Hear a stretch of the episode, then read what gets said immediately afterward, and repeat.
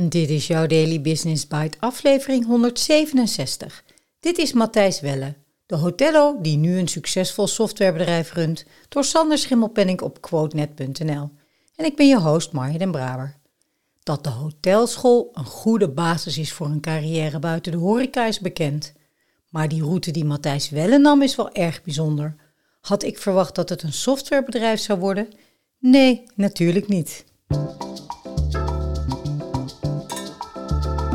Je luistert naar Daily Business Bites met Marja Den Braber, waarin ze voor jou de beste artikelen over persoonlijke ontwikkeling en ondernemen selecteert en voorleest. Elke dag in minder dan 10 minuten.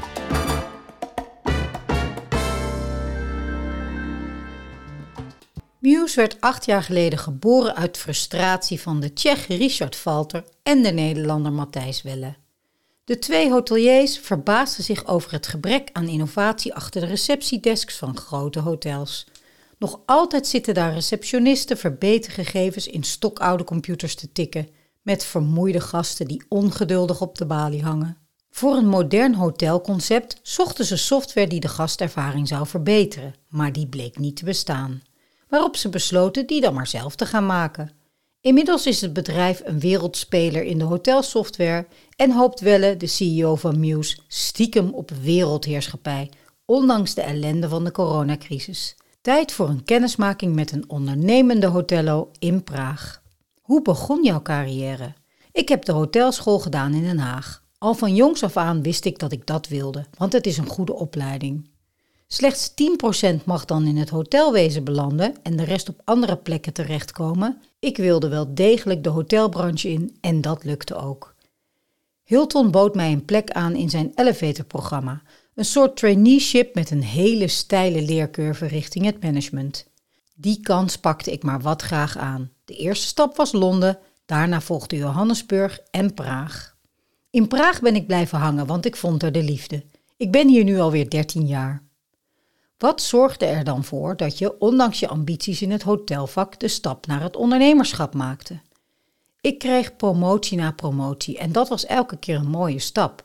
Hilton was echt een geweldige werkgever, maar toch begon ik me te vervelen.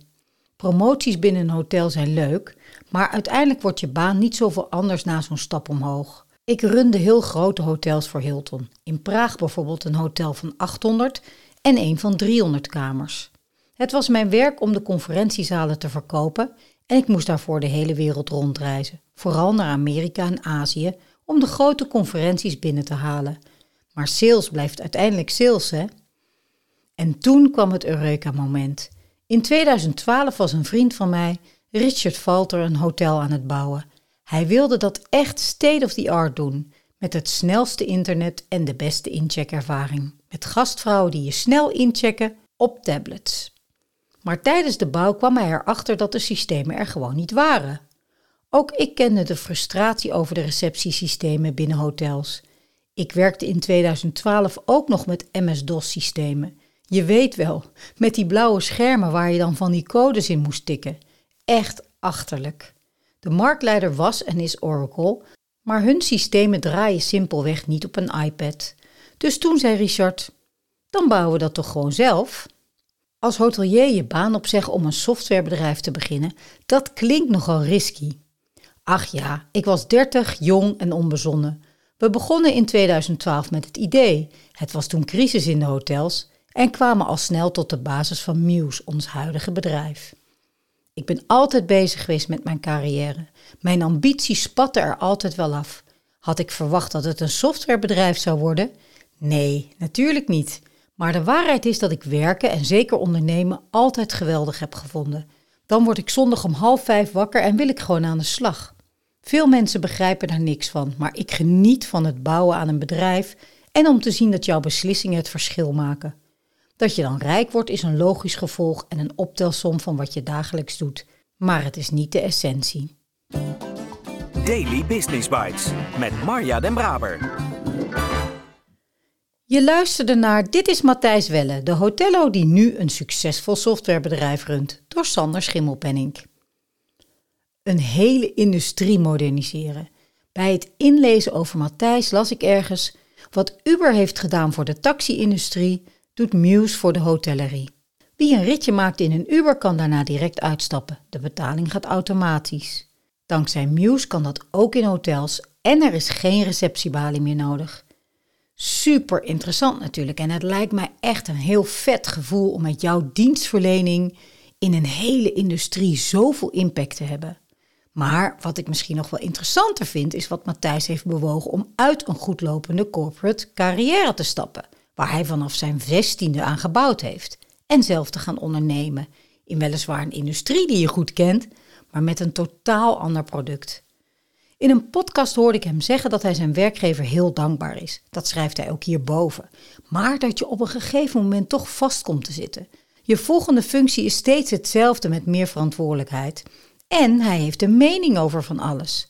Hij geeft aan dat je onvermijdelijk in een soort silo of zuil terechtkomt en hij wilde zich met veel meer bemoeien. Het klopte gewoon niet meer. Het was niet wat hij destijds gedacht had dat het zou zijn. Een beeld dat ik overigens volledig herken, nadat ik na 14 jaar bedrijfsleven, ook met prachtige functies en mooie kansen, besloot om ondernemer te worden. Zo'n tof bedrijf als Muse had ik trouwens ook wel heel graag opgezet. Hoe doe je dat? Want dat zal ook niet makkelijk zijn geweest. En dat klopt ook wel als je leest dat in het begin Muse moeilijk te begrijpen was voor de traditionele hotelwereld en dat niemand vertrouwen in het bedrijf had. Maar Welle zette door.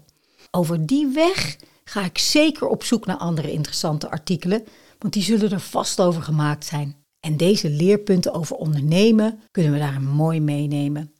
Ik spreek je graag morgen weer.